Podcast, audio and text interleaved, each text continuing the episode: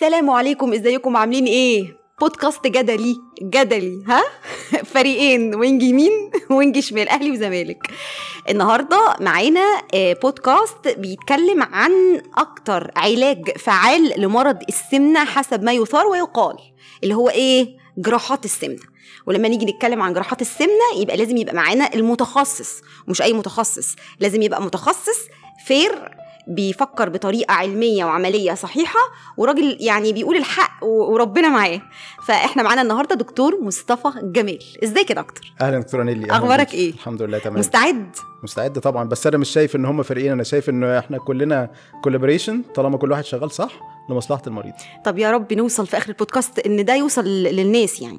طيب آه، أول حاجة عرفنا حضرتك على نفسك بتخصصك بشهاداتك لأن كل ما هيقال بعد كده لازم يبقى الناس فاهمين إن هو بيقال من شخص طول عمره بيشتغل وبيتعلم عشان يقول الكلمتين اللي هيقولهم النهارده. تمام.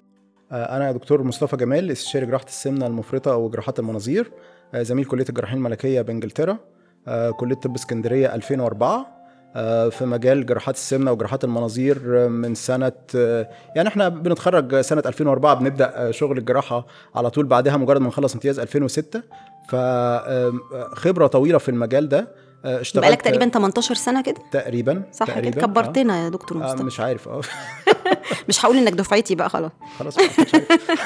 خلاص مش عارف. طيب آه التخصص جراحات السمنة ده تخصص يعني حضرتك بتبقى جراح سمنة ولا حضرتك أصلا جراحة عامة؟ ده تخصص واتشهرت بإنك جراح سمنة مش هو طبعا. التخصص في البداية بيبقى الجراحة العامة والجراحة العامة دلوقتي ما بقاش فيه جراحة عامة من غير جراحة المناظير الجهاز الهضمي اللي هي العمليات اللي بتجرى للجهاز الهضمي آه، سواء زي عمل زي العمليات الشائعة استئصال الزايدة واستئصال المرارة وإصلاح الفتق وإصلاح الحجاب الحاجز وهكذا. كل العمليات دي من عمليات الجراحة العامة. زمان كانت بتتعمل بالجراحه المفتوحه آه، دلوقتي في آخر 20 سنة بتتعمل بجراحات المناظير جروح صغيرة جدا نص سنتي أو سنتي بحيث إنها بتحسن التعافي المريض بيقدر يرجع يرجع شغله أسرع. آه، ألم أقل آه، آه، كوزميزيس أحسن. من ضمن جراحات الجهاز الهضمي جراحات السمنة المفرطة اللي هي تكميم المعدة وتحويل المسار برضو أول ما بدأت في أواخر التسعينات كانت بادئة بالجراحة المفتوحة. آه طبعا جراحات السمنة المفرطه قديمة يمكن إحنا بنقول في أواخر التسعينات لما بدأت تظهر في مصر إنما هي ظهرت في العالم من من من قديم جدا جدا يعني, يعني هنقول بقى لها آه، فوق ال 20 سنة في مصر. فوق ال 20 سنة في مصر طبعا تمام. فوق ال 20 سنة في مصر وبدايتها في العالم يمكن كانت في في الستينات كمان وبدايتها تاريخيا آه، يمكن دي حاجة يعني ممكن ناس كتير ما تعرفهاش. أول جراحة جراحة لعلاج السمنة المفرطة اتعملت في التاريخ ال- المدون آه، كانت في الأندلس.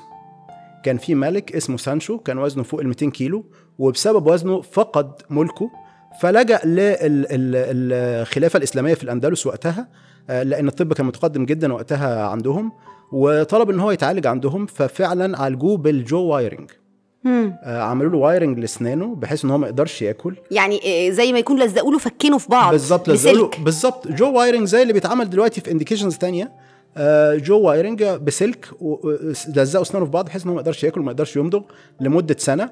وبعد كده عملوا de-wiring بعد سنة. خلال سنة كان وزنه بقى 80 كيلو ورجع خد ملكه تاني.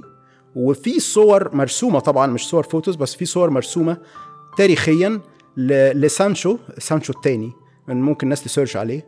آه، سانشو the second. pre و post طب وما تابعناش. تخن تاني ولا إيه الموضوع لأن آه. ممكن يكون الراجل تخن تاني وإحنا ما عرفناش وارد وارد مش عارفين طيب طب يعني إحنا اليومين دول أو الكام سنة الأخيرة جراحات السمنة واخدة يعني ترند مش طبيعي تفتكر حضرتك من وجهة نظر الجراح ليه الترند ده؟ ليه الناس كلها شايفة إن هو الحل السحري؟ يعني أنا كل الفيديوهات اللي أنا بعملها مع شروق اللي هي دايما بتطلع معايا كبطلة فوازير أو فيديوهات أو كذا اعملي تكميم وخلاصي اعملي تكميم وخلاصي. وجهة نظر حضرتك كجراح الموضوع ليه انتشر قوي كده؟ هو في جزء منه إن فعلا النتائج الجراحات دي اتحسنت والمضاعفات اللي كانت بتحصل في أول ال 20 سنة اللي فاتوا ما بقتش موجودة وفي جزء تاني استسهال. استسهال من أطراف مختلفة استسهال من المرضى واستسهال من بعض مقدمين الخدمات الصحية سواء آه، يعني أطباء أو مستشفيات إن يبقى في حالات even لو not indicated طالما المريض موافق يلا نعمل عملية وخلاص ك business وده مش صح. طب معلش عشان بس الحتة دي نوضحها للمستمعين والمشاهدين. حتة الاستسهال ده من ال caregiver يعني من مقدم الخدمة نفسه. يعني ممكن الجراح نفسه يدخل حالة not indicated يعني مش ممكن تحل مشكلتها بتاعت السمنة بطرق تانية غير الجراحات؟ أيوه خلينا تقصد كده؟ خلينا نعرف الأول إيه هي جراحات السمنة المفرطة؟ هي جراحات علاجية وليست جراحات تجميلية. جراحات علاجية يعني اللي بيعملها لازم يكون فعلا عنده مشكلة صحية تستدعي إن هو يعمل العملية دي. إيه ده؟ ده لسه حد قال لي أنا كنت زايد 5 كيلو دخلت عملت جراحه لا ده ده دي حاجة ما ترضيش ربنا أساسا. يعني الدكتور اللي دخله يعمل جراحة عشان 5 كيلو ده إيه، يعني يحاسب؟ المفروض علميا يحاسب. مم. لو في جهة بتحاسب ده, ده يحاسب. طيب يعني هي حاجة علاجية عشان الصحة. هي حاجة علاجية بتتعمل في indications معينة. لازم يكون آه، معامل كتلة الجسم أعلى من 40 آه، أو من 35 ل 40 ويكون في comorbidity يعني يكون في آه، مرض مصاحب سواء ارتفاع في مقاومة الإنسولين أو مرض السكر أو صعوبة التنفس أثناء النوم اللي بت- بتوصل أحيانا لانقطاع التنفس وانسداد التنفس مش مجرد إن الإنسان لما بينام آه، بيطلع صوت مثلا لأ. آه، ومشاكل المفاصل آه، آه، آه، ال dyslipidemia حاجات اللي بنسميها metabolic syndrome مجموعة أمراض مرتبطة بالسمنة.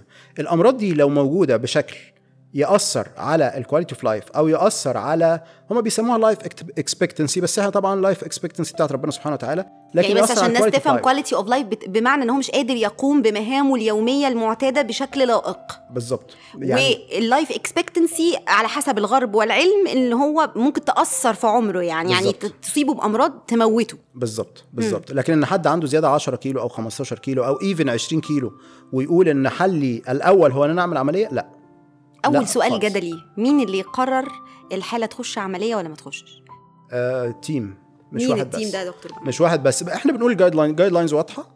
إيه guideline اللي هي ال indications إن BMI above مرجعية علمية. آه مرجعية علمية. آه معامل كتله الجسم أعلى من 40 أو من 35 ل 40 مع وجود comorbidity طيب recently في سنة 2022 نزلوا بالأرقام دي خمسات.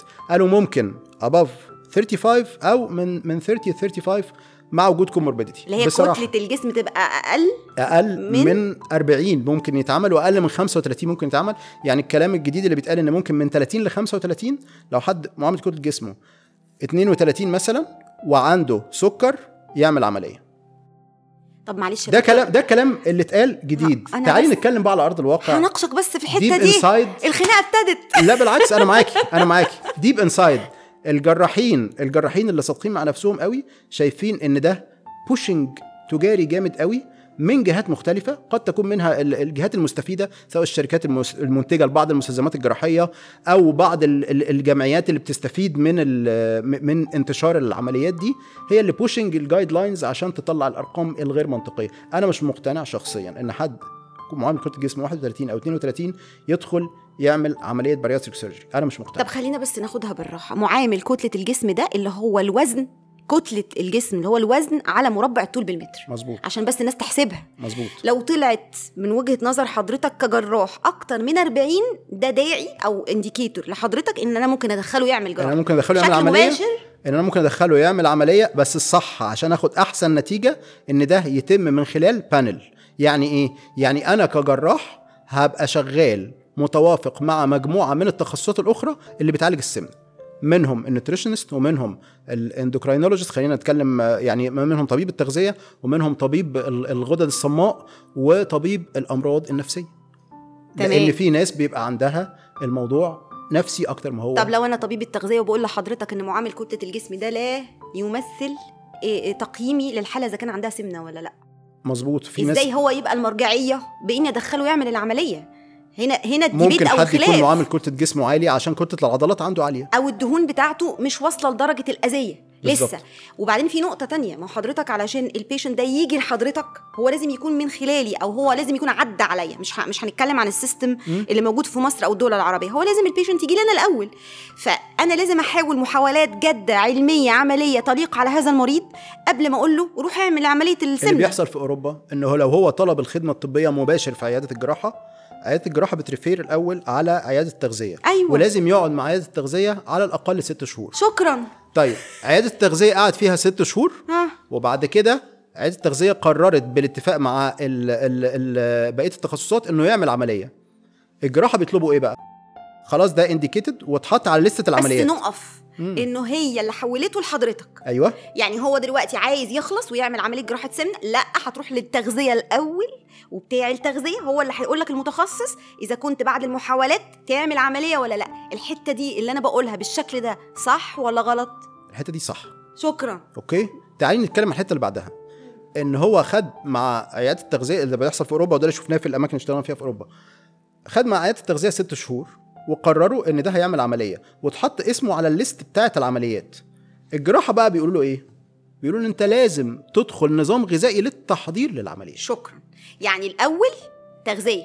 تمام. بعدين اللي هو اللي أنت حضرتك بتقول ست شهور كمان. يا ريت. وبعد كده متخصص التغذيه يحوله على حضرتك. حضرتك بقى تحضره للعملية عن طريق التغذية. أيوه. يبقى حضرتك لازم يبقى بينك وبين متخصص التغذية link مظبوط. وهو يبقى ال first step أو أول خطوة ما بينك وما بين المريض هو لازم يكون في. تعاون مش تنافس. عشان كده أنا ما كنتش مقتنع بإن إن إحنا أهلي وزمالك. يا دكتور ده, منتخب ده مصر. رأي حضرتك. طب أنا هقول لحضرتك حاجة وأنا عارفة إن أنا لما بقولها على ال- في البودكاست ده ممكن يعمل مشاكل بس ده حصل. والله ربنا يحاسبني. آه، أنا كنت قاعدة مع جراح سمنة فبتكلم معاه على مستوى آه، علمي وعملي يعني. فأنا بتناقش معاه يا دكتور ليه عندنا في مصر عيادات جراحات السمنة ما فيهاش متخصص تغذية بيحضر الحالة للعمليه ليه حضرتك عايز آه، شغلي معاك هو كان عايز يشتغل معايا؟ يعني يبقى ما بعد العملية. هو قال لي جملة أنا عمري ما انساها. قال لي يا دكتورة هو أنا لو بعتلك المريض والمريض تجاوب مع ال diet بتاعك مش هو كده هيبقى وقع مني؟ هيكمل. هيكمل الجملة دي اتقالت ومش هيعمل عملية. هيكمل طبعا. مم. خلاص هو بالنسبة له مش هيبقى إيه كاستمر مش هيبقى يعني هنقولها بطريقة شيك مش هيبقى ال patient بتاعه هيبقى ال patient بتاعي أنا. فده بالنسبة له هو عبر كده بش- بشكل مباشر. طبعا أنا ما بقولش إن ده بيمثل كل الجراحين ولكن الموضوع قلب لأنه في بعض بعض مش كل طبعا مع احترامي الشديد لزمايلي إنه في ناس اللي هو جراحة السمنة بالنسبة لهم ده شغل ده أكل عيشه. بص يعني للأسف جراحة السمنة في مصر الأعم الأغلب منها حاليا مش ملتزم بال guidelines المرجعية العلمية. آه مش للأسف. للأسف على في, كذا حاجة في كذا حاجة. منها ال indications بتاعت العمليات منها الحد الأقصى لعدد العمليات اللي ممكن يتعمل في اليوم اللي يقدر team الجراحة ي deliver quality موحدة. لا ثانية واحدة. أنت أيوة. قصدك إن ممكن الجراح يخش عدد عمليات في اليوم الواحد كتير أيوة. لدرجة إنه في أواخر العمليات يأثر؟ بالظبط. للأسف ده موجود إيه للأسف. ده يعني أنا لو داخلة جراحة سمنة آه لازم أسأل أنا دوري رقم كام في في الطابور بتاع الجراحات؟ آه دي, يفضل. دي معلومة حلوة قوي لا دي ما أنا بقول لحضرتك. آه. آه. الحاجة التانية خلاص إحنا بنعمل عملية ال ال ال مش هنتكلم بقى في, في الخطوات الفنية اللي ممكن تفرق من واحد للتاني وفيها وجهات نظر واختلافات و debates بين الجراحين. إحنا بنتكلم في ألف ب علم ال microbiology وعلم ال infection control والتعقيم. مكافحة العدوى. أيوه. مم. الأدوات اللي بتستعمل في العملية الدباسات و... ويد الكي ال vessel sealing device اللي بتكوي الاوعيه الدمويه حوالين المعدة وال trocars والحاجات دي الأدوات دي كلها مصممة زيها زي السرنجات تستعمل مرة واحدة فقط لمريض واحد فقط. للأسف اللي بيحصل في مصر إنها بتشتغل حالتين وثلاثه وأربعة وخمسة ويمكن أكتر من كده. أنت هعرف منين؟ أنا مريضة هعرف من حاجة زي كده. للأسف للأسف في عايز أقول لحضرتك إن الأعم الأغلب بالطريقة دي طيب المريض هيعرف منين وإحنا بنحاول ننشر ونعمل يعني awareness وبنحاول نوعي الناس؟ إزاي تعرف؟ فاخترعنا طرق مختلفة علشان نعرف الناس انت تعرف إزاي. بقينا بن بنخلي الشركات المنتجة للدباسات دي تجيبها في package مكتوب عليها ال single use وتروح. لل patient أوضته. ال patient يستلمها ويتأكد إن هي الأصلية مقفولة بتقفيل بس انت المصنع. حضرتك لازم تنبهه لحاجة زي. كده. هو لو ما, هو ده ده اللي إحنا بنتكلم فيه بقى أكتر من 15 سنة. يعني معلش رقم واحد إنه الحاجة اللي بت- بتستخدم في عملية تبقى استخدام واحد فقط. سنجل use مرة واحدة فقط. رقم طب هو هيعرف إزاي؟ هو مراقبني ولا شايفني؟ اثناء آه، آه. العملية هو مش شايف. م- م. فإحنا بقينا بنجيب ال kit كلها كاملة ومش الدباسة بس إن في ناس بتبقى فاكرة إن الموضوع آه أنا والله ده أنا جابوا لي الدبابيس لأ.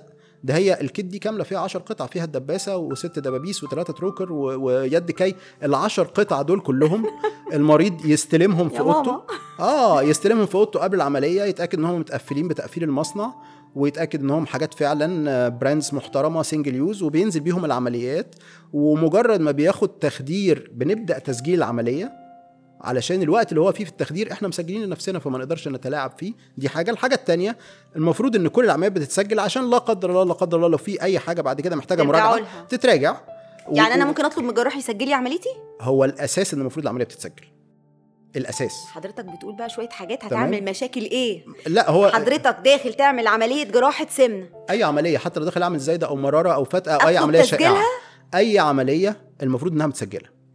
هو كده كده الجراح وإذا مسجلها لا المفروض. وإذا لم يتم تسجيل العملية فده تقصير من الجراح ومن المستشفى. المفروض العمليات كلها تتسجل. ليه ليه ليه؟ على الأقل لا قدر الله لو في أي مضاعفات أو أي شيء الناس تقدر ترجع وتشوف المشكلة كانت فين وتصححها. ده بيسهل تصحيح أي مشكلة لا قدر الله لو حصلت. أنا مش بتكلم مش بقول كده عشان بقول المشاكل موجودة كل يوم. على فكرة المشاكل دلوقتي نادرة جدا تكاد تكون منعدمة. ده مع حضرتك بس- ولا في المجمل؟ لأن أنا كنت بحضر محاضرة عن جراحات السمنة وكان أول حاجة اتقالت انه ال mortality rate أو نسبة الوفيات قليلة جدا ولكن still نسبة المضاعفات اللي بتحصل للمرضى بتصل من 5 ل 20% من الحالات. ودي ودي statistics أو إحصائية عالمية. آه ده حسب ده حسب حسب نوع العملية وحسب هل هي عملية primary أول مرة ولا revision طبيعي إن المضاعفات مت- المتوقعة في العمليات ال revision اللي هي عمليات تصحيح أعلى. لكن الأرقام حقيقة في المضاعفات الكبيرة زي ال- النزيف أو التسريب أو الجلطات أو الحاجات دي أرقام لا تتعدى واحد في الألف أنا بقول لحضرتك من واقع اللي إحنا شفناه أيوه بس أنا لما برجع برجع للمرجعية اللي بتقول للمرجعية- لي المرجعية أقول لك اللي- ليه لأن حضرتك ممكن تكون بتمثل مثلا آه، طريقة شغل معينة أو شريحة معينة من الجراحين اللي المضاعفات فيها بتبقى قليلة أو إيديهم بتبقى عارفين إيه اللي يعملوه عشان. ما يحصلش يحصل prevention أو يمنعوا المضاعفات ولكن غيرك ممكن ما يكونش بيعمل ده فلازم ال patient أو ال- الحالة تبقى واعية لده. إنه إنه إنه هي ليها حقوق بقى إنها تفهم. مظبوط. اولا العملية تتسجل ثانيا زي ما حضرتك بتقول الأدوات تبقى single use أو استخدام واحد فقط. بيستلمها قبل آه. أثناء العملية بتتسجل. بعد العملية المفروض إن دي نفايات طبية. دي بتترمى في. نفايات طبية. للأسف للأسف وشفت ده بيحصل في مستشفيات كتير جدا في مصر الحاجات دي بدل ما بتروح النفايات الطبية بتتغسل ويعاد استعمالها تاني. علشان أنا اطمن المريض بتاعي. للأسف دي كارثة موجودة في مصر وناس كتير مش مصدقة إن ده بيحصل.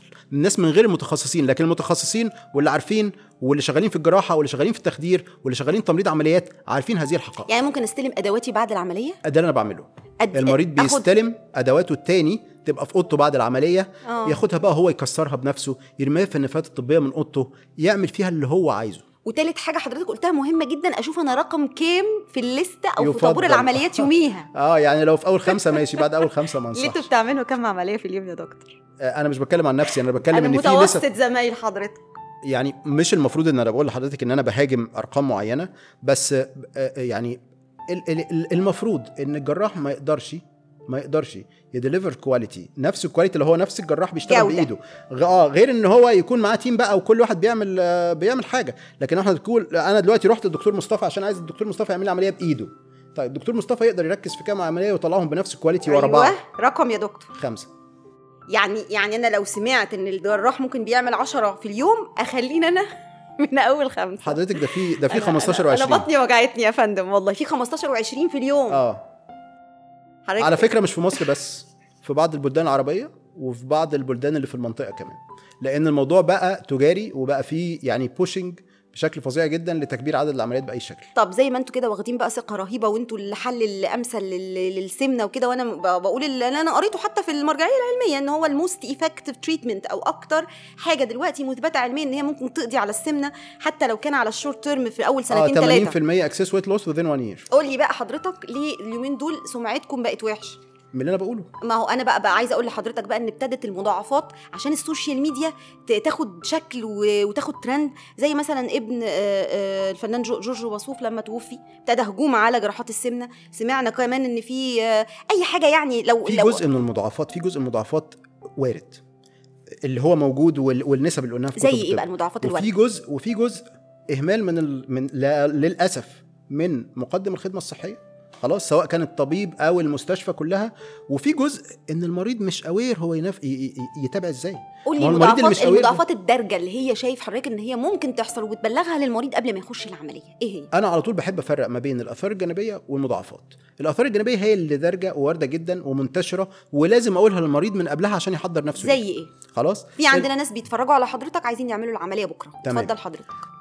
عايزين نفرق بين عمليتين تكميم المعدة وتحويل المسار. كل واحدة ليها نوع من الأثار الجانبية اللي مرتبط بيها. وشائع معاها. طب هم دول أشهر عمليتين؟ هم دول أشهر عمليتين اشرح لي. معلش دي إيه ودي إيه والفرق ما بينهم؟ تكميم المعدة معناها إن إحنا بنستأصل 80% من حجم المعدة تقريبا مما فيها آه، جسم المعدة وقبة المعدة اللي بنسميها ال fundus and body of the stomach بهدف إن إحنا نصغر حجم المعدة فالمريض يبقى مجبر على تناول وجبة صغيرة جدا. خصوص مجبر. مجبر. خصوصا الناس اللي بتاكل emotional eating يعني هي بتاكل لمجرد الأكل. أنا أكلت وكله تمام بس شفت بعديها بنص ساعة شفت أكل تاني نفسي فيه فزودت. طيب عشان بس أنا أبقى حاطه الحتة بتاعت التغذية مع حضرتك والناس تفهم صح. أيوه. معنى كده إن حضرتك قصدك ال volume eaters أيوة. الناس اللي بتاكل كميات أكل بدون control أو تحكم. مظبوط. مظبوط volume كمية. volume. فأنا volume دلوقتي واحد. باكل أيوه. وبعد نص ساعة أنا هاكل تاني وتالت ورابع بالظبط. وما عنديش تحكم في الكميات ده بالظبط. يصلح لهذه العملية. أيوه وأنا ربطت الأكل بحاجات معينة. أنا قاعد أتفرج على الماتش فباكل أنا قاعد أتفرج على المسلسل باكل وهكذا. طب ده ما يعملوش بعد العملية insult أو trauma يعني هو دلوقتي كان الراجل بيرتاح بالأكل. حضرتك اديته آه، نسفته. مش عارف الأكل. كان هو ال relief النفسي أيوة. بتاعهم. فلما إحنا دلوقتي قفلنا عليهم ده قفلنا عليهم ده فالبعض بيكتئب. خلاص؟ لازم يبقى واضح. ما عشان كده لازم نبقى إحنا بنشتغل من خلال مجموعة. لازم يبقى معانا دكتور ال psychiatry أيوه. لازم يبقى معانا يعني قصدك ال depression والاكتئاب والتوتر والقلق و... و... وفي بعض الدراسات ربطته بالانتحار. ده مرتبط بالحالة النفسية بتاعة المريض وتقييمها قبل العملية. آه. صح؟ آه لازم قبل العملية. أنا أي حد بيجي لي عنده major depression أو عنده أي نوع من أنواع ال psychological disorder وخصوصا خصوصا لو كان عنده history إن هو حاول ينتحر فعلا أنا عاده برفض العملية. إيه ده هو في جراحين سمنة بيرفضوا العملية؟ هو لازم يبقى عندك حالات في مصر لازم يبقى عندك حالات ترفضها. لأن في مصر مفيش system مفيش panel اللي بتاخد القرار على أساس علمي فبالتالي أنت بتاخد القرار على أساس علمي بضميرك. ف you have to filter you have to use ضميرك to filter طيب مين تاني بترفض له العملية غير اللي عنده مشاكل نفسية أو حاول الانتحار؟ وده طبعا لو هو ما اعترفش بيه لأن حضرتك عارف الناس اللي عندها اضطرابات نفسية ممكن ما تعلنش ده أساسا. بتجيب psychiatrist من ضمن ال team بتاعك أو طبيب نفسية وعصبية يعرض عليه هذا المريض. مين تاني تقول له لا ما تدخلش التكميم التكميم. إحنا. بنتكلم على التكميم. طيب آه الناس اللي عندها في التكميم الناس اللي عندها حموضة وارتجاع ده بقول له ما يعملش تكميم. لأن تعالي نشرح العملية عشان نقول إحنا ليه بنعمل كده. هي العملية إحنا هنستأصل فيها 80% من حجم المعدة متبقى من المعدة حجم صغير جدا. الحجم الصغير ده مميزاته إيه؟ إنه بيجبره على وجبة صغيرة. طب أنا هاكل بقى زي ما أنا متعود وهزود فهرجع. okay؟ فبقت العملية بتخليه يرجع إجباري فبالتالي هو خلاص ما بقاش بياخد ال calories اللي كان بياخدها. طيب دي حاجة. بس في المقابل حجم المعدة الصغير ده pressure جواه بال physics كده. volume قليل pressure عالي. pressure عالي ده ضغط عالي و... آه حجم قليل. ضغط عالي. الضغط العالي ده هيخلي ال- الأحماض تتحرك من منطقة الضغط العالي لمنطقة الضغط المنخفض فالحمض هيتحرك من المعدة للمريء يعمل حموضة وارتجاع فالأحماض تبقى موجودة في المريء أغلب الوقت فعلى طول هو حاسس بإحساس بالحموضة والارتجاع وممكن كمان ميل للقيء حتى لو ما كلش. فدي من الآثار الجانبية لتكميم المعدة. هو لو أصلا عنده حموضة ما يخشش ما يعمل يخشش تكميم. ليه ممكن. يحصل إيه لو دخل؟ طيب لو هو هو أصلا عنده حموضة. والمريء بتاعه متعرض لدرجات حموضة عالية وهو أصلا معدته الكاملة موجودة. لما أنا اصغر له معدته أكتر الحموضة هتزيد أكتر وأكتر والحموضة دي مؤذية لجدار المريء على المدى البعيد. ممكن تعمل قرح؟ ممكن تعمل قرح ممكن تعمل حاجة اسمها بارد. بارد ده ممكن يعمل تحول سرطاني بعد سنين طويلة شكراً. جدا. يعني ممكن اللي عنده ارتجاع وتوجه إلى التكميم في يوم من الأيام لو عنده استعداد جيني وراثي لو عنده للسرطان استعداد لو يظهر سرطان. آه لو عنده استعداد. لحد دلوقتي ما فيش حالات ظهرت ماشي بس في العالم بس بس نظريا ده وارد. طيب عندك حموضة بلاش تكميم. آه. إيه تاني؟ لو عندك حموضة أحسن لك تحويل مسار. تمام. طيب. آه آه، الحاجة الثانية التكميم ما بتمنعش الناس اللي بتاكل sweets يعني حلويات. آه أنا أنا أنا باكل وجبة ضخمة جدا 4 كيلو مشويات. لما عملت تكميم بقيت باكل صبع كفتة بالعافية. حلو استفدنا. لكن لو أنا متعود إن أنا آكل سكريات سكريات سكريات طب أنا هعمل تكميم. بعد ما كنت باكل صينية بسبوسة بحالها هاكل آه واحدة قد كده وبعد نص ساعة واحدة قد كده وبعد نص ساعة واحدة فأنا هاكل الصينية بس على مدى اليوم. أصبح حجم المعدة. يسمح بإني آكل حلويات متقطعة. بالظبط. فهيديني نفس تكرار ده. يوميا أنا بضحك على العملية. هخس في الأول؟ آه. أصل أنا صاحبتي عملت وخست آه. هيخسوا في الأول. بس الأبحاث بتقول آه، تكميم طلع سنة 2000 بقى لها 23 سنة. في 23 سنة دول الأبحاث بتقول إن 40% من الحالات بتزيد في الوزن تاني بعد مرور خمس سنين على عملية تكميم. كام في المية يا دكتور؟ 40% تزيد في الوزن ترجع لوزنها السابق مش شرط ترجع لوزنها السابق بس على الأقل بتطلع 10 15 كيلو في بقى اللي بيركب الزحليقة لفوق تاني يعني أنت يا دكتور كنترول. آه، شلت 80% من معدتي ودفعت لك قد كده وبعد 3 4 سنين بعد ال honeymoon period وأنا خلاص مبسوطة وفرحانة أتخن تاني أيوه عشان كده الكلام اللي بيتقال بقى. الكلام اللي بيتقال في السوشيال ميديا أو في بعض حلقات التلفزيون للأسف إن إيه الحل النهائي ال- بدون زيادة العلم بيقول والأمانة الطبية بتقول والأمانة المهنية بتقول إن إحنا أي حد هيخوض العملية لازم نقول له إن تكميم المعده احتمال يزيد في الوزن تاني بنسبة 40% خصوصا لو هو sweet eater لو هو من الناس بتاكل حلويات. جزاك الله كل خير. يبقى اللي بياكل سكر كتير مدمن سكريات عنده ارتجاع ما يعملش تكميم. مظبوط. أمال يعمل إيه؟ يعمل تحويل مسار. إيه يعني إيه طيب تحويل إيه تحويل مسار تحويل مسار اللي بيسميها تحويل مسار الكلاسيكي هي دي ال- اللي بيسموها ال gold standard أو معيار الذهبي لجراحات السمنة المفرطة. العملية دي طالعة سنة 69 بقى لها قرب 54 سنة بتتعمل. على مدى السنين دي كلها كل ما العملية كانت أقدم على فكرة كل ما كان ال safety profile بتاعها أعلى لأن إحنا عارفين إيه المشاكل اللي ممكن تحصل بعد 10 و15 و20 و50 سنة. طبعا الدراسات كل ما. تطول كل ما بقى عارفة أكون رأي علمي صحيح. بالظبط بالظبط. فتحويل المسار الكلاسيكي عملية اعتمدتها ال American Society of Diabetes كعلاج لمرض السكر من النوع الثاني في مرضى في مرضى السمنة المفرطة. لسه على لساني. تمام. يعني حضرتك شايف إن العملية دي ممكن تشفي مريض سكري؟ عشان السؤال ده هيتسأل آه، هي هتعمل- لأستاذ مساعد حلو. سكر. آه تعالوا تعالوا بقى نعمل فرق ما بين يعني إيه تشفي اولا الشفاء بتاع ربنا سبحانه وتعالى. هل هو شفاء دائم منقطع ولا آه، إحنا بندخله. في control آه. إحنا بن- بنعمل حاجة اسمها long term glycemic control يعني بنعمل سيطرة على المرض وعلى مستوى السكر في الدم. بنأجل بإذن الله ظهور مضاعفات السكر ممكن 15 أو 20 سنة. ليه هي بتتعمل إزاي؟ يعني إيه اللي- إيه اللي التقنيه اللي, إيه اللي بتعمل بيتعمل؟ ده إيه اللي آه. بيتعمل؟ إحنا بنعمل آه، جيب صغير من المعدة تحت المريء يستقبل الأكل. فالجيب ده بيستقبل كمية أكل صغيرة برضه. بس الجيب ده بيفضي الأكل في الأمعاء مباشرة بعد الاثنى عشر ليه؟ مرور الأكل على الاثنى عشر بيطلع مجموعة هرمونات بتزود مقاومة الإنسولين. مرور الأكل على الاثنى عشر بيساعد على امتصاص الأكل عالي السعرات. فإحنا لما بنعمل bypass أو بنتجاوز مرحلة الاثنى عشر الأكل بينزل من المريء لجزء من المعدة للأمعاء التي هي بعد الاثنى عشر مباشرة. الأكل ما بيعديش على منطقة الاثنى عشر امال ربنا خالقها ليه؟ تمام؟ خالق الاسم ده ما انت لا حضرتك تعالى لي بقى. أيوة. ربنا خالقها ليه؟ ليها وظائف زي ليها إيه؟ وظائف آه. تمام؟ وظائف الاثنى عشر دي في مريض السكر بدأت تختل. فأصبح تجاوزها بيحسن يعني حضرتك. قصدك إن اللي يعمل ال bypass أو تحويل المسار هو مريض السكري فقط؟ بنرشحها لمرضى السكر اللي عندهم سمنة مفرطة. عشان ما يجيش مريض سكر عنده 70 كيلو يقول له اعملي تحويل مسار بس هي؟ موضه بيقول لك أنا بيقولوا بتشفي يعني ممكن اتشفي من المرض. لا إحنا بنتكلم إحنا بنتكلم علميا والصح وحق ربنا يتعامل مريض السكر اللي عنده سمنة مفرطة. اللي هو؟ ال BMI أو كتلة جسمه معديه ال 35 ال 35 ويفضل كمان لو 40 خلاص؟ تمام. هبقى مرتاح ضميري جدا لو مريض سكر وال BMI بتاعه معدي 40 واحاول بطرق غير جراحية والأمور ما جابتش معاه نتيجة في ست شهور أنا هبقى مرتاح جدا إن أنا بعمل له عملية تحويل مسار ده حضرتك. آه الناس الناس اللي عندها مقاومة إنسولين وبتفرط في أكل السكريات. وبرضه داخلة على سكر يعني. أيوه بالظبط. اللي هي بنسميها prediabetes أو مرحلة ما قبل السكر. أيوه بس ده يعني aggressive قوي إن أنا عشان هو عنده مقاومة إنسولين يعني لسه ده عرض مش مرض. الراجل لسه معيش. إن أنا أعرضه لعملية زي دي ما هو تاني هسأل حضرتك هو الإثنى عشر؟ ربنا خلقه ليه؟ تعالي تعالي بقى ناخدها بالناحية الثانية هو مش aggressive إن أنا أعمل له تكميم معدة وأشيل له جزء من معدته إلى غير لا؟ ولا ده ولا ده. طيب أمال أنا فين؟ أنا يبقى؟ تحويل يبقى تحويل مسار. تحويل مسار ميزتها إن إحنا ما بنستأصلش جزء من المعدة. إحنا ال fundus بتاع المعدة وال body بيفضلوا موجودين إحنا ما بنستأصلهمش. حضرتك أصلا قصدك إن العملية دي reversible يعني ممكن أرجع في كلامي؟ reversible بالظبط دي ممكن تتعمل وممكن نرجع للطريق لكن. التكميم لا. لكن التكميم لا irreversible. بالإضافة إن تحويل مسار الجزء اللي بيستقبل أكل ال pressure جواه مش عالي فما فيش حموضة وارتجاع. فمريض. الارتجاع تحويل مسار نقدر نستعملها كعلاج له.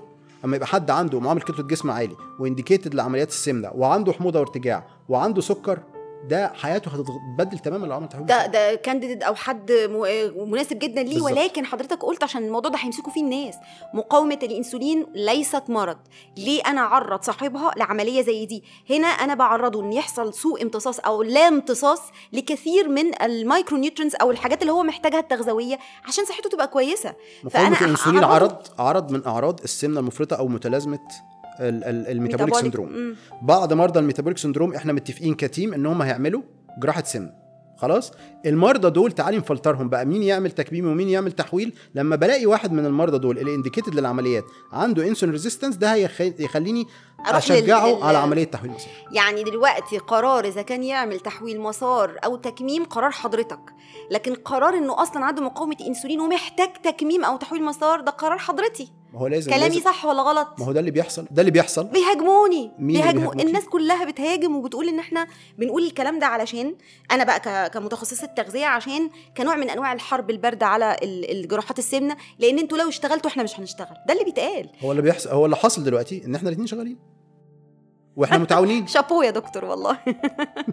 طيب يبقى إحنا كده قلنا الارتجاع مقاومة الانسولين سكري نوع تاني. الأفضل لو هنختار خلاص قررنا إنه يعمل عملية سمنة هنختار يبقى تحويل مسار. طيب حضرتك بقى مضاعفات تحويل إيه المسار الحاجة اللي برضو خ... زي ما قلنا بتاع التكميم إيه اللي إيه اللي المريض اللي يجي لي وما أقول له ما تعملش تكميم؟ الارتجاع. خلاص؟ إيه المريض اللي يجي لي وأقول له ما تعملش تحويل مسار وعمرك ما هتعملها ولا هلمسك؟ المدخن.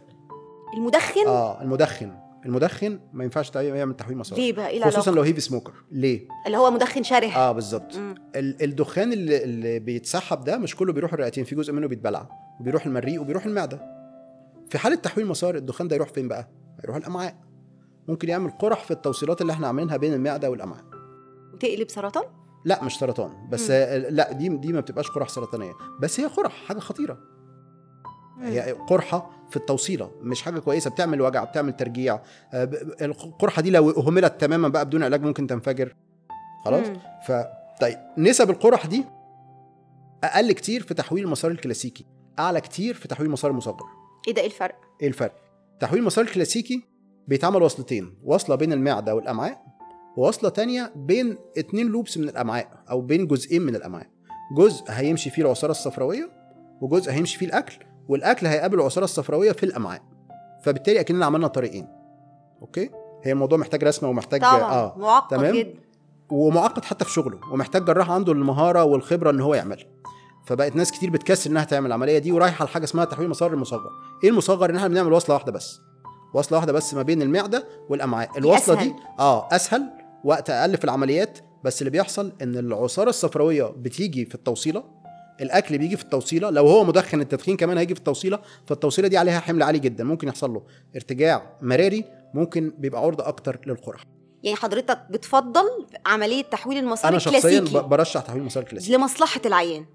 دي وجهة نظري الشخصية لأن ده في برضه ديبيت جامد ما بين الجراحين المصغر المصغر الكلاسيكي الكلاسيكي. في ناس بتعمل مصغر وبتقول إن هي أحسن بس بالعقل وبالعلم كده أنا مش منطقي إن أنا أجيب العصارة الصفراوية وأحطها في فم المعدة.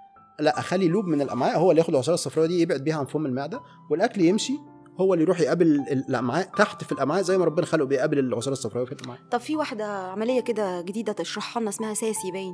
ساسي إيه عبارة الساسي ده؟ اولا ساسي لسه طالعة من سنتين بس وإحنا زي ما قلنا إن كل ما كانت العملية أقدم كل ما كان عليها دراسات أكتر وكل ما كنا قادرين نعرف إيه المشاكل اللي تحصل بعد كده. امن إن أنا أبقى بالظبط. مع العمليات القديمة. بالظبط. فساسي بقى لها سنتين بس. فلو في مضاعفات هتحصل من الساسي بعد 20 سنة إحنا مش عارفينها النهارده. تمام؟ دي حاجة. الحاجة الثانية إيه هي ال SASI هي عبارة عن تكميم. بنشيل فيها المعدة عادي خالص. أول خطوة فيها تكميم. الخطوة الثانية بيجيب الأمعاء يوصلها الأمعاء بعد الاثنى عشر برضو يوصلها في المعدة الرفيعة بتاعه التكميم دي. امم عمل اتنين في واحد يعني؟ بز... نظريا بهدف إيه؟ بهدف إن ال... يعني إن الأكل هيمشي في الأمعاء دي وما يروحش الاثنى عشر فيحسن ال glycemic control أو يحسن السيطرة على السكر ويقلل امتصاص السكريات. بس هو اكشولي الأكل دلوقتي قدامه طريقين. بعد ما بيعدي في المعده الصغيره بتاعه التكميم قدامه انه يروح يمشي في الاثنى عشر أو انه يمشي في الامعاء. هيمشي في انهي فيهم؟ لحد النهارده مش عارفين؟ إيه ده ما أعرفش اوجهه؟ أيوه لحد النهارده مش عارفين ولكل اللعب الأبحاث والدراسات؟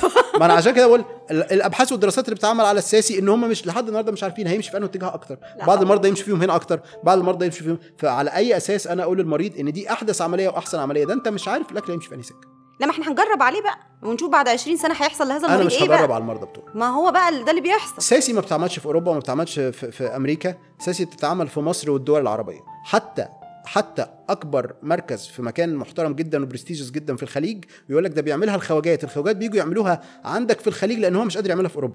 امم هو عايز يكتر الحالات عندك في منطقتنا العربية يجرب فيها يطلع منها نتائج عشان يحاول يثبت بيها عمليته. يعني بلاش ساسي يا دكتور إيه رأيك؟ أنا ما برشحش الساسي اطلاقا دلوقتي. طيب ماشي. معنى كلام حضرتك بعد شرح الثلاث عمليات ان كل عملية أو هنقول بقى إن هما عمليتين عملية التكميم وعملية تحويل المسار بأنواعها. الساسي حضرتك قلت لأ. كل عملية ليها الانديكيشنز بتاعتها أو مين يعملها ومين يخاف يعملها صح كده؟ إحنا هنا بنعمل العكس بقى يا دكتور بما ان الناس ممكن ما يوصلهاش ده عن طريق بعض الأطباء أو الجراحين يوصل لها ده عن طريق البودكاست بتاع حضرتك. لما تيجي تختار العملية تختار إيه؟ ولما تيجي تختار الجراح تختاره إزاي صح كده؟ طيب حضرتك يعني أنا أما كنت بذاكر بقى دور التغذية في جراحات السمنة لقيت إنه حضرتك بتقول ست شهور قبل العملية يتحول على آه، متخصص تغذية وبعدها عشان أحضره أصلا العملية بعد اتخاذ القرار بحتاج إن أنا أحضره. التحضير بياخد حوالي شهر وفي أنواع كتيرة وطرق كتيرة لتحضير البيشنت أو هذا المريض للعملية. فاول رسالة عايزين نبعتها للناس إن ما ينفعش إن حضرتك تبقى ماشي كده تلاقي إعلان جراح بيقول لك تعالى نعمل العملية تروح طالع عاملها. لازم الجراح ده يقول لك إن روح اتجهز للعملية. ده اللي طلع ده وقابل الجراح ده كويس. هو ممكن ما يقابلش الجراح أساسا هو ممكن يشوف إعلان على ال social media مم. ويروح يعمل عملية من غير ما يشوف الجراح أساسا. حلو قوي. هو بيحتاج شهر. أنا عايزة حضرتك تجاوبني ليه وأنا هقول إزاي الشهر ده هنعمل فيه إيه؟ ليه الشهر ده؟ طيب الناس اللي عندها سمنة مفرطة بيبقى عندها تضخم في الكبد. okay؟ نتيجة تراكم الخلايا الدهنية في الكبد. الناس fatty liver اللي آه، هو. الكبد الدهني. fatty liver الكبد الدهني الناس بتسميها بالعامية كده دهون على الكبد. الناس متخيلة إن دي دهون دي طبقة كده فوق الكبد. وأما بقول للناس إحنا لازم نتحضر عشان الدهون على الكبد تقل فبيتقال لي من بعض الناس يعني البسطاء إيه يا دكتور مش أنت هتدخل؟ خلاص يبقى شيل الدهون اللي على الكبد دي كده، ومتخيل آه. انها طبقة إحنا هنشيلها. لا هو الموضوع مش كده. دي خلايا دهنية جوه الكبد بتعمل تضخم خصوصا الفص الشمال من الكبد. ده جزء technical معايا بقى. أنا المعدة موجودة تحت الفص الشمال من الكبد. فلما الفص الشمال ده يبقى متضخم جدا ده بيصعب عليا أنا الشغل technically بيقلل اللي بنسميه ال working space أو المساحة اللي أنا هشتغل فيها. إن أنا أدخل فيها الآلات الجراحية والدباسة وهكذا. ما عنديش مساحة. لدرجة إن في بعض الحالات النادرة جدا إحنا ممكن ندخل ما نلاقيش مساحة أساسا فنوقف. العملية. مم. وده واجه كل جراحين السمنه وما يقولش على فكرة ممكن الجراح ما يقولوش إنه علشان أنت ما تحضرتش. الصح إنه يتحضر. يعني؟ حتى لو الجراح ما قالوش وهو مصمم على هذا الجراح يروح شهر الأول يتابع مع دكتور متخصص تغذية علاجية عشان يقلل شوية من الدهون اللي في. منطقة الأحشاء. بالظبط. صح خصوصا كده؟ بالظبط. خصوصا دهون الكبد. طيب إذا حصل وما قللش بيبقى معرض لإيه؟ هو غير ان غير إن حضرتك بيعوقك معرض ده. هو معرض العملية تبقى ابورتد أساسا. خلاص؟ تبوظ. أو إن الجراح أو إن الجراح يتعافى ويكمل ويحصل مثلا إصابة للكبد أو إن العملية تبقى الخطوات تكنيكالي أصعب كتير فده بيزود احتمالية ال- بيزود المضاعفات. أكيد. يعني أكيد. النزيف التسريب الحاجات دي بتزيد أكتر؟ كل ما كانت كل ما كانت الخطوات أصعب وفيها resistance أعلى وحركة الآلات أصعب كل ما ده يعني مش هيخليها أحسن نتائج. طيب الوسائل بقى أنا هقول إزاي الوسائل اللي إحنا ممكن نقلل بيها الكمية الدهون اللي في الأحشاء؟ أول حاجة الأدوية. إحنا ممكن نستخدم ال- الأدوية اللي هي آه، ضد الشهية اللي هي موجودة دلوقتي في كل حتة يعني وممكن كمتخصص تغذية إن أنا أشتغل مع الحالة بدايت. الدايت ده بالنسبة لي بيبقى هو الوسيلة الآمنة الفعالة إن أنا أقلل ال- الدهون الحشوية وبيبقى الدايت بنسميه hypocaloric diet أو دايت قليل السعرات جدا بيوصل من 600 ل 800 سعر حراري. ولكن طالعه موضة بقى إن أنا أحط له بالونة معدة قبل عملية التكميم أو التحويل. يعني أنا أحط له بالونة معدة تساعده إن هو ينزل دهون الاحشاء وبعدين أدخله العملية الثانية هم لما لما طلعوا البالونة في أوروبا كانت ال indication بتاعت البالونة البالونة مدتها قد إيه؟ ست شهور. أغلب أنواع البالونات مدتها ست شهور. فكانت هي الست شهور اللي بي refer فيها الأول قبل العملية. يعني هو ده كان أصلا الاستخدام؟ آه ده كان الاستخدام بتاع البالونة إن إحنا الست شهور اللي هو هيقعد فيهم يعمل دايت قبل ما ياخد قرار عمليه أساعده بالبالونة. آه أساعده بالبالونة. يمكن البالونة تسد نفسه مع الدايت اللي هيعمله فممكن ما يعملش عملية أساسا. فبيبقى الهدف من البالونة إن إحنا احتمال ما نعملش العملية أساسا. إحنا عندنا بقى تم إساءة استعمال البالونة وأصبحت البنوتة فاضل على فرحها ست شهور وعايزة تتحشر في الفستان فهتحط البالونة ماشي؟ وتشيلها إيه؟ قبل الفرح بأسبوع. فيعني هتنزل لها ال 15 كيلو تتحشر والكبسولة الفستان. المبرمجة يعني. الكبسولة هي عبارة عن بالونة. أمال إيه المبرمجة؟ ولا في- المبرمجة مبر- هي دخلت جوه. قالوا لي هم. لا الفرق الوحيد الفرق الوحيد بين الكبسولة وال... هما الاثنين عبارة عن كره سيليكون بتتملى محلول ملح بتقعد في المعدة من أربع إلى ست شهور. البالونة العادية اللي موجودة يمكن من سنة 2000 بقى لها برضه 20 سنة دي عبارة عن بالونة بتركب بالمنظار ال- ال- المعدة والمريء. منظار بيدخل من الفم من المعده والمريء نشوف جدار المعدة والمريء ونحط البالونة ننفخها جوه. وبعد ست شهور بندخل تاني نفضيها ونشيلها. فاحنا محتاجين ندخل ناخد بنج لمدة 10 دقائق هو بتبقى procedure قصيرة يعني 10 دقائق وبعد ست شهور هندخل ناخد بنج تاني عشان نشيلها. الكبسولة ما بنحتاجش البنج ده. الكبسولة بتتبلع وال- والمريض صح آه أسهل. بالظبط. هي عبارة عن كبسولة بس كبسولة كبيرة قد عقلتين صبع مثلا. تخيل تخيل إن في كبسولة دواء قد عقلتين صبع. هيرميها في زوره أيوه. آه هيرميها في زوره ويقعد يبلعها يبلعها يبلعها. هي دي الكبسولة المبرمجة. آه. خلاص؟ بتعمل أشعة يتأكد إنها نزلت المعدة وبعد كده بتتنفخ. بعد س... بعد أربع شهور الأحماض بتاعة المعدة بتاكل جدارها تفضى تتحول إلى كيس فاضي خالص very soft تنزل هي بقى في ال stool. يعني يا دكتور أنا معدية كده زهقانة من وزني عايزة أنزل لي 5 6 كيلو أطلع للدكتور أقول له حط لي هات الكبسولة؟ أمال إيه يا دكتور؟ لا. حضرتك بتقول إن هي ببلعها بت... ال indication بتاعها بتش- صح بره عشان إيه؟ علشان الناس اللي مش قادرة تاخد تخدير. حد وزنه 300 كيلو يعني. الت- اللي بالتخدير أولى؟ ما أنا بقول لحضرتك أهو تاني. آه. الموضوع بدأ إزاي؟ أنا خلاص ال panel قررت إن أنا هعمل عملية ماشي؟ والمفروض إن أنا هتحضر العملية دي ست شهور. في الست شهور دول إحنا هنحط لك بالونه هتقلل شوية وزنك وال comorbidities اللي عندك. طيب أنت هتعمل عملية تحويل مسار. العملية دي بتاخد ساعتين وقت. طب الراجل ده عنده comorbidities عالية جدا و... و... ومش أمراض أخرى آه. مضاعفات يعني. بالظبط. وصدره ونفسه وقلبه واحتمال ساعتين التخدير يبقوا خطر عليه. طب هنعمل لك حاجة ب 10 دقائق تخدير. تنزلك وتخليك تقدر تستحمل الساعتين. يا دكتور يعني أنت ما بتعملش الكبسولة ولا البالونة للناس العاديين اللي مش داخلين تكميم؟ أيوه أيوه خلينا بقى إيه نتكلم في ال indications العلمية. خلينا أيوة. نتكلم في ال indications العلمية. خلاص؟ حضرتك بتقول إيه؟ فده فده كان فده كان ال- الايه ال indication الأولاني. طيب طلعت الكبسولة عشان إيه؟ علشان برضو نفس ال indication. لا ده أنت مش هتاخد 10 دقائق تخدير ده أنت هتبلعها بس من غير تخدير أساسا مم. طيب الاستخدام بقى على أرض الواقع بقى في إساءة استخدام. بقى كل حد عنده 5 كيلو زيادة عايز يبلع كبسولة. يعني حضرتك عايز تقول إن إحنا مش المفروض أصلا نستخدم البالونة والكبسولة لغرض النزول الوزن ال- الدائم؟ أيوه أنا لما بيجي مريض يطلب مني يقول لي اعمل لي كبسولة عشان أنا عايز أنزل 10 كيلو أقول له لا لو أنت هدفك تنزل 10 كيلو انت تقدر تنزله من غير بالونة والكبسولة أساسا. لأن هم ليسوا بدون مضاعفات هي جسم غريب. إيه. المضاعفات بقى؟ جسم غريب ممكن ي... لو لو زي ما أغلب المصريين عندهم ميكروب حلزوني الناس اللي بتاكل fast food كتير أغلبهم عندهم ميكروب حلزوني. الميكروب الحلزوني ده بيعمل قرح في المعدة. فلما يجتمع الميكروب الحلزوني مع جسم غريب سيليكون قاعد في المعدة ده بيزود التهابات المعدة وبيزود احتمالية قرح المعدة. ده ده أبسط. حاجة.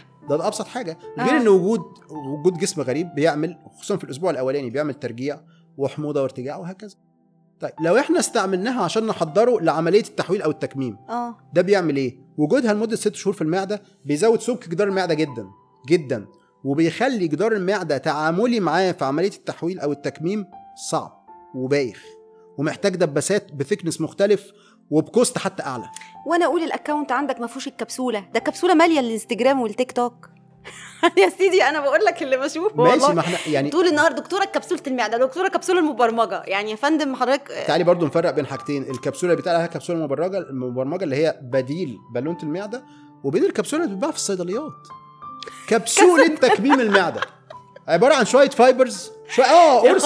قرص دواء مليان شوية fibers يعني لما بيبلعوا قال يعني ألياف. الميه آه ال- ال- الألياف دي تتنفش فبتسد قول يا. دكتور قول قول أنا تعبت ما فيش والله. حاجة اسمها كبسولة تكميم المعدة مم. ما فيش حاجة اسمها كده طيب يعني حضرتك دلوقتي كجراح شايف إنه كبسولة المبرمجة وبالونه المعده ليست آه، آه، آه، حاجة فعالة وآمنة لنزول الوزن الدائم ممكن بالظبط. يحصل عليها اعتمادية ده لو عدى الست شهور على الحالة من غير ما يحصل أعراض جانبية أول ما بنشيلها وده اللي أنا بشوفه شخصيا في العيادة patient ال أو العيان بيتخن يمكن أكتر من اللي هو كان فيه كل حد هيخوض تجربة بالونة المعدة أو كبسولة المعدة بشرح له الموضوع ده إن هي ليست حل نهائي انت مجرد ما ما معدتك فضيت منها سواء نزلت في البراز أو ان اتشالت خلاص انت رجعت لنقطة الصفر. مم. هتحافظ على وصلت له ولا لأ؟ طب انت ممكن توصل منها لكام؟ 10 15 30 أنا شخصيا عندي ناس نزلوا بيها 20 و30 وعندي ناس نزلوا بيها 3 كيلو وعندي ناس زادوا عليها. وفي ناس ما آه زادوا عندي فعلا. ناس زادوا عليها. مم. عندي ناس زادوا عليها. ليه؟ رغم الشرح ورغم هكذا. لأ أنا حطيت بالونه فأنا هشرب بيبسي براحتي بقى. طيب إذا إحنا اتفقنا دلوقتي إنه في دور للتغذية قبل العملية على الأقل لمدة شهر علشان نقلل الدهون الحشوية. دورنا بقى بعد عملية حضرتك إنه في تدرج لدخول الغذاء أو الأكل عند هذا الشخص اللي قام بأي نوع من النوع- النوعين يعني من أول ال liquid diet أو ال diet اللي هو السائل لحد ما بنوصل لل normal diet أو الأكل الطبيعي اللي هو ممكن يبقى في خلال فترة مثلا شهر. ست أسابيع على حسب. الحالة؟ الشهر الأولاني بيحتاج تدريج بنحتاج الأسبوع الأولاني سوائل الأسبوع الثاني أكل soft الأسبوع الثالث أكل مفروم. آخر الأسبوع الرابع بنبدأ ناكل الأكل العادي بمعدل أربع معالق أو خمس معالق وكل معلقة تتمضغ 20 مرة وبعد كده هوقف على خمس معالق وما ادخلش أكل تاني غير يمكن بعد ساعتين. تمام. أنا دلوقتي واحد بقى هروح أدفع لي قد كده في العمليات ما هو مش تبع التأمين ولا حاجة بقى. ما تجيش أنت بقى كجراح تقول لي روحي اعملي diet شهر علشان خاطر أدخلك العمليات ما كنت أعمل شهر واثنين وثلاثه وأكمل. حضرتك بتقول إيه؟ في resistance رهيبة أو مقاومة رهيبة من الحالات لهذا الموضوع. أنا واحد بقى لي 20 25 سنة عشان آخد أصلا القرار عمري كله بعمل diet فأنا مش متقبلة اللي حضرتك بتقوله. حضرتك بقى بتعمل إيه في الحالة دي؟ هل آه، ال resistance أو مقاومة الحالة دي حضرتك بتستجيب لها ولا رغما عن أنفه عشان تعمل العملية لازم يروح يعمل الشهر ده؟ إحنا لما بنشرح وبنوضح للمريض الخطورة من إن هو يدخل العملية مش متحضر المريض اللي بيفكر ويعقل خلاص. لكن المريض اللي عايز يأذي نفسه هنعمل له إيه؟ إحنا يعني بنحاول نوعي. يخش. نعم. يخش المريض حتى لو هو رفض إنه يعمل ال diet لا أنا in my practice أنا ما فيش أي حد من حالاتي مش بتكلم على. حالات حضرتك ما أنا بقول بتكلم على اللي. بيحصل. أنا ده اللي أنا بواجهه ده اللي أنا بواجهه أنا بقول لحضرتك اللي أنا بواجهه. أنا الناس لما بن...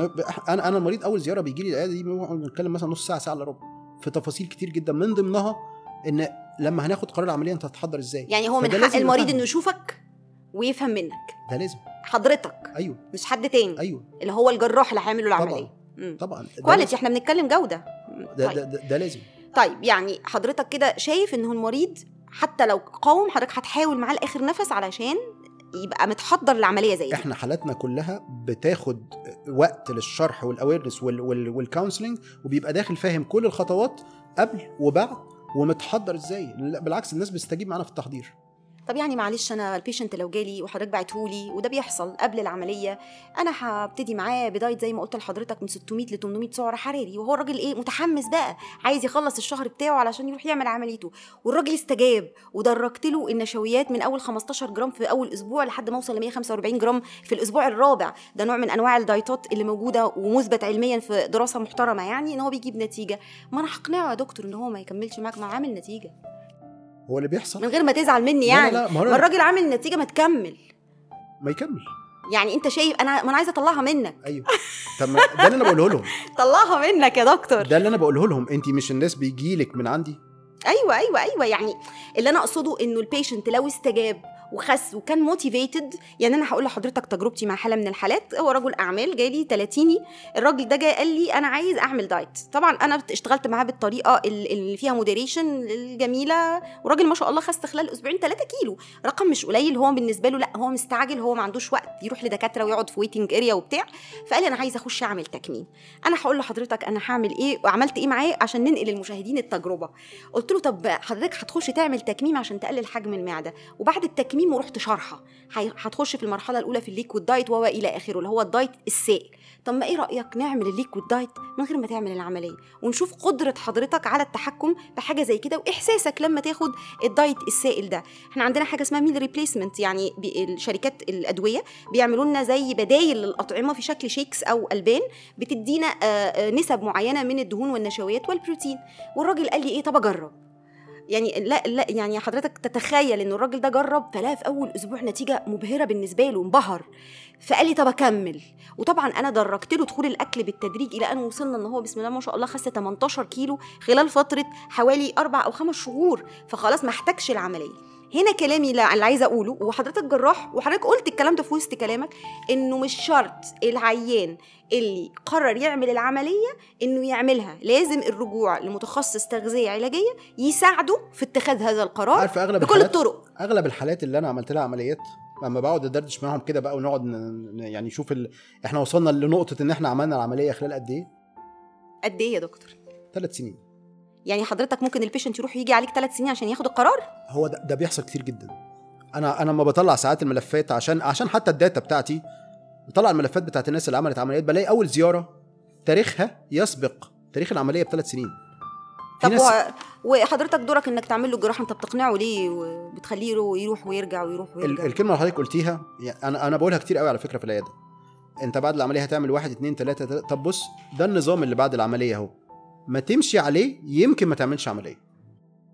حضرتك فبد- كده جاي من. المدينة الفاضلة يا فندم مش مدينة فاضلة ولا حاجة. ما هو اللي بيحصل بيحصل إيه؟ ما اللي بيحصل الناس الناس هتفتكرنا بنمثل والله لا والله. ما طب ما أنا بقول لك أهو ما الناس بتيجي حتى لو هيجي حتى هيجي بعد سنة أو هيجي بعد ثلاث سنين هيجي يعمل عملية في الآخر.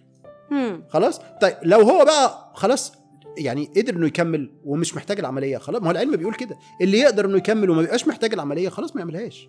هو مش الهدف إن إحنا نعمل عمليات وخلاص. الهدف إن إحنا نقدم له الحاجة اللي تنفعه.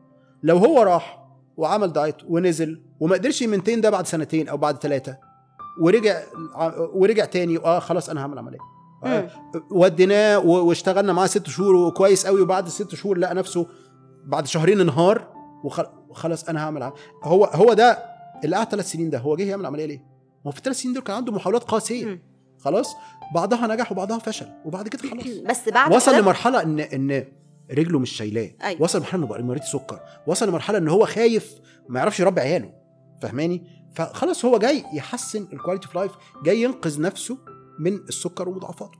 تمام. أنا هسأل حضرتك بعض الأسئلة من المتابعين. مهمة جدا بالنسبة لهم. بعد عمليات التكميم بيحصل صعوبة شديدة في شرب المية. السبب والحل. عشان كده أنا ما برشحش إن عملية التكميم هي أحسن حاجة. هي أشهر عملية في مصر والوطن العربي لكن هي مش أحسن عملية. ده اللي بنقوله للناس. تكميم المعدة. فيها حموضة وارتجاع فيها صعوبة في شرب المية فيها صعوبة في, في بلع الأكل خصوصا في المرحلة الأولانية. في ناس انديكيتد للتكميم وهم ما ينفعهمش غير كده زي الناس اللي بياكلوا بالك والمدخنين و... و... و... ونوعيه معينة من... من الحالات بس اللي هيعملوا تكميم لازم يدركوا حاجتين. التكميم ليست بدون احتياج لفيتامينات مدى الحياة. التكميم إحنا بنستأصل فيها جزء من المعدة الجزء ده بيطلع مادة ال intrinsic factor الماده المسؤوله عن هضم فيتامين B 12 فبالتالي حضرتك بعد التكميم مش هتهضم فيتامين B 12 طول عمرك ولازم تاخده حقن طول عمرك. فيتامين ب. فيتامين ب 12 لازم ناخده حقن. حقن مش oral مش حقن بال حقن طول العمر لأن لو خدته قرص الجزء اللي كان بيهضمه اتشال. خلاص؟ فلازم ده يبقى واضح. الكلام اللي بيتقال في حلقات التلفزيون وعلى السوشيال ميديا لتسويق العمليات إنها بدون فيتامينات لا. العملية محتاجة strict follow up ومحتاجة حقن فيتامين ب 12 طول العمر. آه مش هتاخد حقنة كل يوم هتاخد course مثلا شهرين ثلاثة يعمل مخزون ست شهور ولا سنة وبعد كده ترجع تاخده تاني وهكذا. تمام. طول العمر. تكميم المعده محتاجة حقن B 12 طول العمر. محتاج أدوية حموضة مضادة للحموضة والارتجاع احتمال عند بعض الحالات طول العمر. في ناس بتبقى واللي ليها مضاعفات برضو ان أنا. اخدها طول العمر. طبعا. في ناس بتبقى الحموضة والارتجاع في الأول بس وفي ناس الحموضة والارتجاع بتبقى مزمنة معاها ومحتاج ياخد ال- الأدوية دي طول العمر لدرجة إن بعضهم بيجي يحول عملية التكميم لتحويل مسار عشان يعالج الارتجاع بس. إيه ده؟ هو أنا ممكن أعمل تحويل مسار بعد التكميم؟ ممكن يتعمل تحويل مسار بعد التكميم. وبعد ما أعمل تحويل المسار وفشلت ممكن أعمل حاجة ثالثه في حاجة اسمها ديستاليزيشن تحويل التحويل. وبعد تحويل التحويل. هنروح فين بقى؟ مش عارفين نعمل إيه. لا ما أنت هتخترعوا لنا حاجة رابعة أكيد. مش هتسيبونا. طيب هنا المية مشكلتها في موضوع الحموضة يعني؟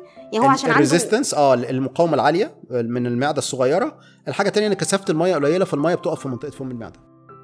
آه ده إحنا ما- عايزين ما حاجة تقيلة بالظبط محتاجين محتاجين حاجة تزقها. طب نعمل. إيه الحالة دي بقى؟ إيه ده؟ ما عشان لازم هيخس عشان كده؟ بنغير كثافة المية. يشربوا مية ديتوكس يشربوا مية قلوية يشربوا مية غير المية العادية. ده الحل. طيب السكر اللي بيوطى بيوطى مع تحويل المسار ولا التكميم؟ الاثنين ده dumping dumping معناه إن السكر بيوطى بعد ما آكل حاجة سكرية. المفروض هو العكس. المفروض إن أنا لما آكل حاجة سكرية سكري على لا اللي بيحصل إن السكر بيوطى. طب ده بيقول لك في نوعين من ال dumping early و late يعني اللي هو السكر بع- بعد ال- العملية على طول آه، أو. بعد عادة اللي بيحصل- على طول اللي أو بيحصل بعدها في- آه بفترة. اللي بيحصل في جراحات السمنة هو ال early dumping آه اللي هو إن بدري. آه آه إن الأكل بيروح على الأمعاء بسرعة جدا فالبنكرياس بيستجيب لده إنه يطلع إنسولين عالي جدا فيهبط المريض آه طيب. فالحل في ده إنه ما ياكلش سكريات على معدة فاضية لازم يبقى آكل قبل السكريات دي بروتين عشان البروتين ده بيعمل بي بي بي بيعمل delayed gastric emptying أو بيبطئ تفريغ المعدة طب يا دكتور ليه في فرق في الشكل والصحة ما بين المريض اللي بعد التكميم ومريض بعد تحويل المسار بمعنى بيبان قوي إن أنت عامل تكميم يعني بعد بقى سنتين ثلاثة ببدأ أحس إن هو شخصيا بيحس مش سنتين ثلاثة ده كمان أبدر من كده إن أنا حصل لي ترهل كده في الجلد صعوبه تعبت. شرب المية والجفاف من أكتر العوامل اللي بتعمل كده. تكميم. عشان كده إحنا آه بالظبط. ودول آه. موجودين أكتر في التكميم. آه. خلاص؟ فعشان. كده آه فإحنا عشان كده بنقول إن لازم تعمل حسابك إنك مش هتزهق من شرب المية إن على طول جنبك إزازة قاعد تشرب كل شوية حتى لو مش عطشان يبقى ما شربتش مية بعد التكميم أو تحويل المسار هتعجز وجلدك هي بالظبط. الاحتماليه الاحتمالية أكتر في التكميم لأن البلقه فيها أصعب شوية. في حاجة تانية بتحصل طب بتخلي الإنسان ضعيف آه عنده وهن آه مقتب حاسس إنه تعبان هي إيه؟ ضعف العضلات ضعف ضعف العضلات بصفة. عامة. فعشان كده أنا لازم يبقى وجبتي فيها بروتين. لازم أبقى قادر آكل بروتين. فبرضه في تحويل مسار الناس بتقدر تبلع البروتين بسهولة. في التكميم ما بيبقاش بنفس السهولة. فمريض التكميم محتاج إن هو يبقى يعني بطل معانا شوية كده ويجي على نفسه وياكل بروتين. وفي الأول ممكن ما يبقاش قادر ياكل بروتين في شكل لحمة وفراخ وسمك بس هياكله في شكل آه، بروتين شيكس. وده بيبقى دور دكاترة التغذية معانا في إن هم يحسبوا له جرعات الحاجات دي. وإن هو يلعب رياضة. آه يلعب ما لازم ي... بياكلش. لازم يزود كتله العضلات اللي هو إزاي بقى؟ أنا ما باكلش ما عنديش طاقة. حضرتك منعتني آكل. أنت أصلا وجودك في حياتي قفل بقي. مفيش طاقة داخلالي. تقول لي أعمل رياضة؟ أيوه يقدر يعمل أنا رياضة. أصلا باجي لك تعمل لي العملية عشان ولا تقول لي أعمل diet ولا ألعب رياضة.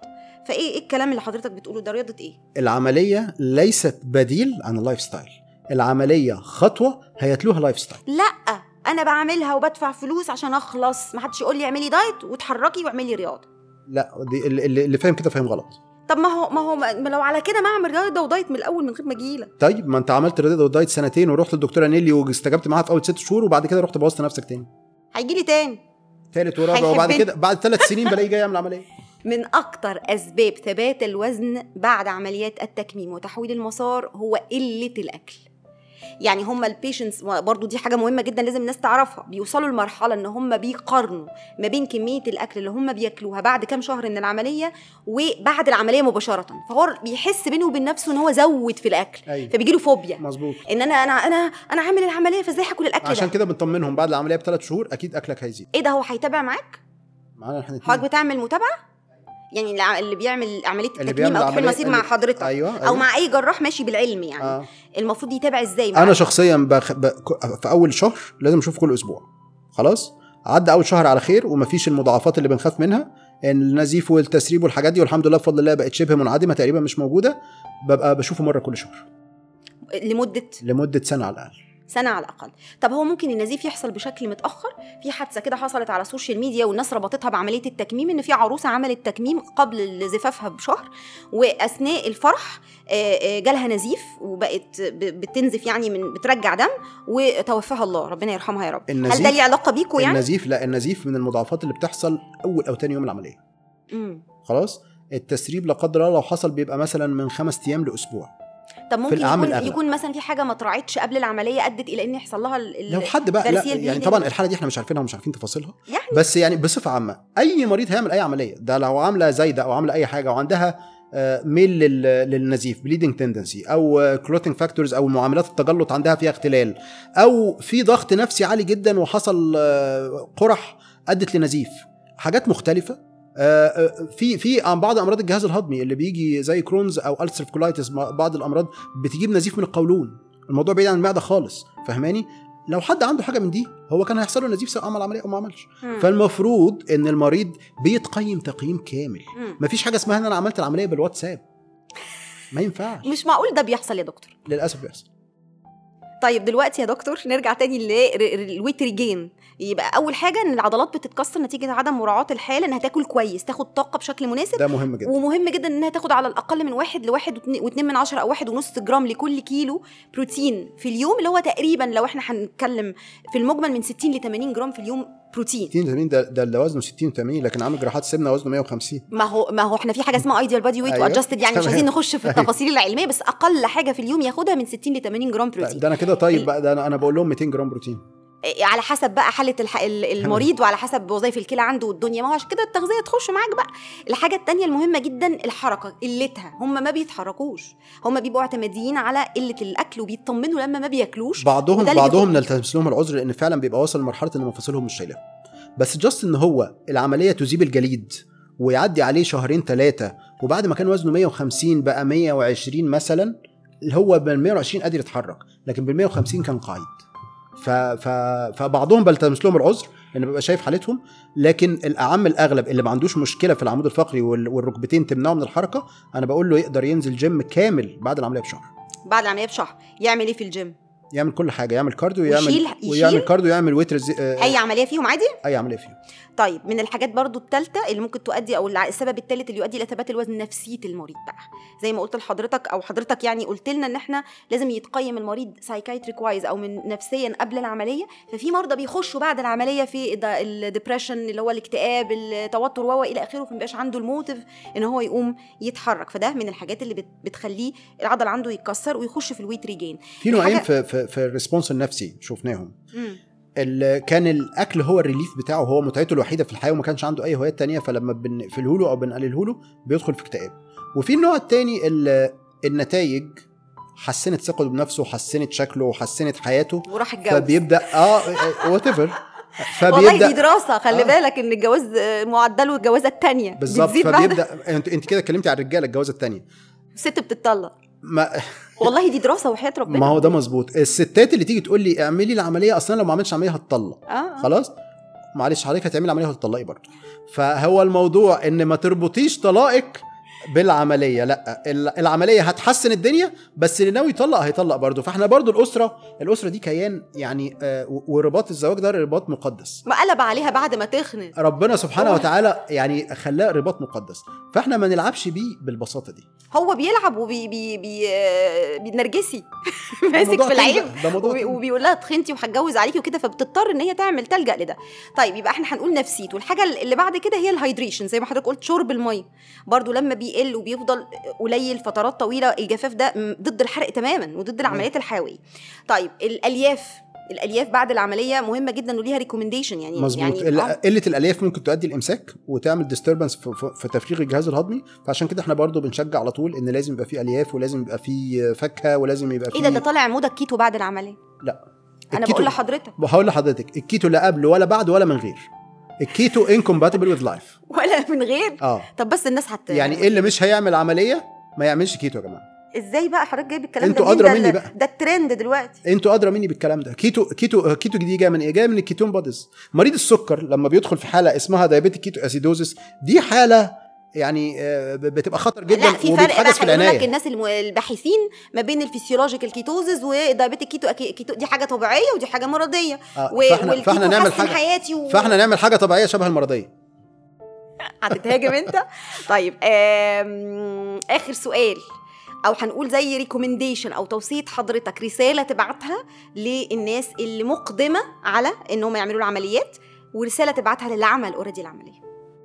اللي مقدم إنه يعمل عملية آه هنصحه بمنتهى الوضوح والأمانة كده. إذا ك...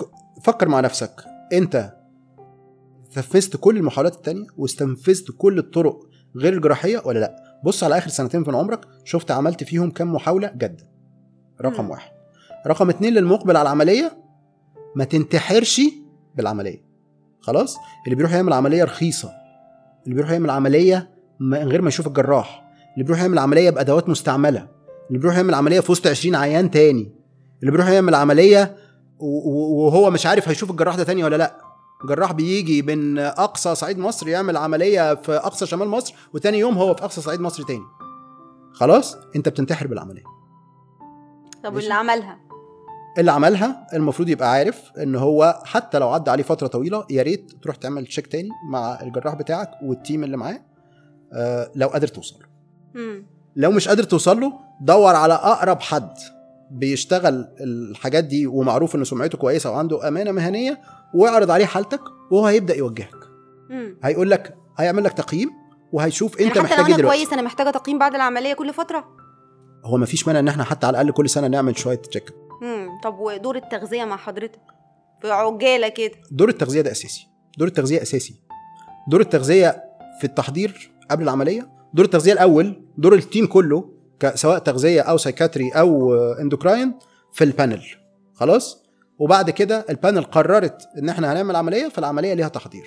مفيش حاجة اسمها يا دكتور يلا أنا مستعجل اعمل لي عملية بكرة. مفيش الكلام ده. حتى اللي بيجي لي مسافر من بلد تاني ب- بحاول اعمل له التحضير ده حتى لو مكانه يسيك أي حد عنده وهكذا يشوف يحضر نفسه.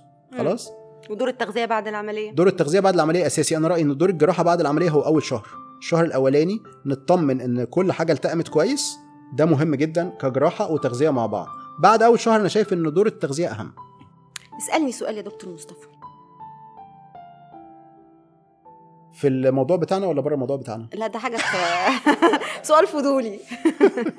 حاجة ترجع لك. اولا أنا عايز أحييكي. يعني وأنا فخور إن انت دفعتي. ربنا. سيبكم الشعر الأبيض يا جماعة أنا سابغ أبيض إحنا صغيرين. ماشي؟ فضيحة دي فضيحة. آه، آه، ثانيا آه، لو هسألك سؤال هقول لك آه، هو سؤال ليك انت شخصيا بقى بعيد عن المجال يعني أو عن ال- التوبيك آه، إزاي قدرتي توفقي ما بين كونك طبيبة السؤال المتكرر ومذيعة و TikToker أو خلينا نقول influencer الإجابة اللي, اللي, تبان تقليدية وهي مش تقليدية والله ده اللي بيحصل آه، تنظيم وقت support كبير جدا من المحيطين بيا أولهم زوجي ربنا يكرمه. آه، وجود ناس في حياتي بيساعدوا بشكل آه، يليق بال skills أو مهاراتهم هم. أنا عندي الحمد لله فن وشطارة في اختيار الناس اللي بتشتغل معايا. فكل حد بيعمل حاجة even حتى لو قربنا من حياتي الشخصية هتلاقي في حد آه، مسؤول إن هو يخلص لي واحد اتنين تلاتة أربعة. مستحيل أنا أكون بعمل كل ده. فهو آه، يعني team plus support وفي الآخر كل ده تحت مظلة توفيق من ربنا سبحانه وتعالى مش أكتر. ما شاء الله وربنا يديم النجاح والتالق ربنا ده. يكرمك يا دكتور مصطفى. وأنا كنت سعيدة جدا جدا وقابل اللي هيحصل بعد ما البودكاست ده يتذاع. أهلا وسهلا وخلاص مفيش أهلي وزمالك إحنا منتخب مصر. أنا ومصطفى. شكرا جزيلا ليك. شكرا, شكرا.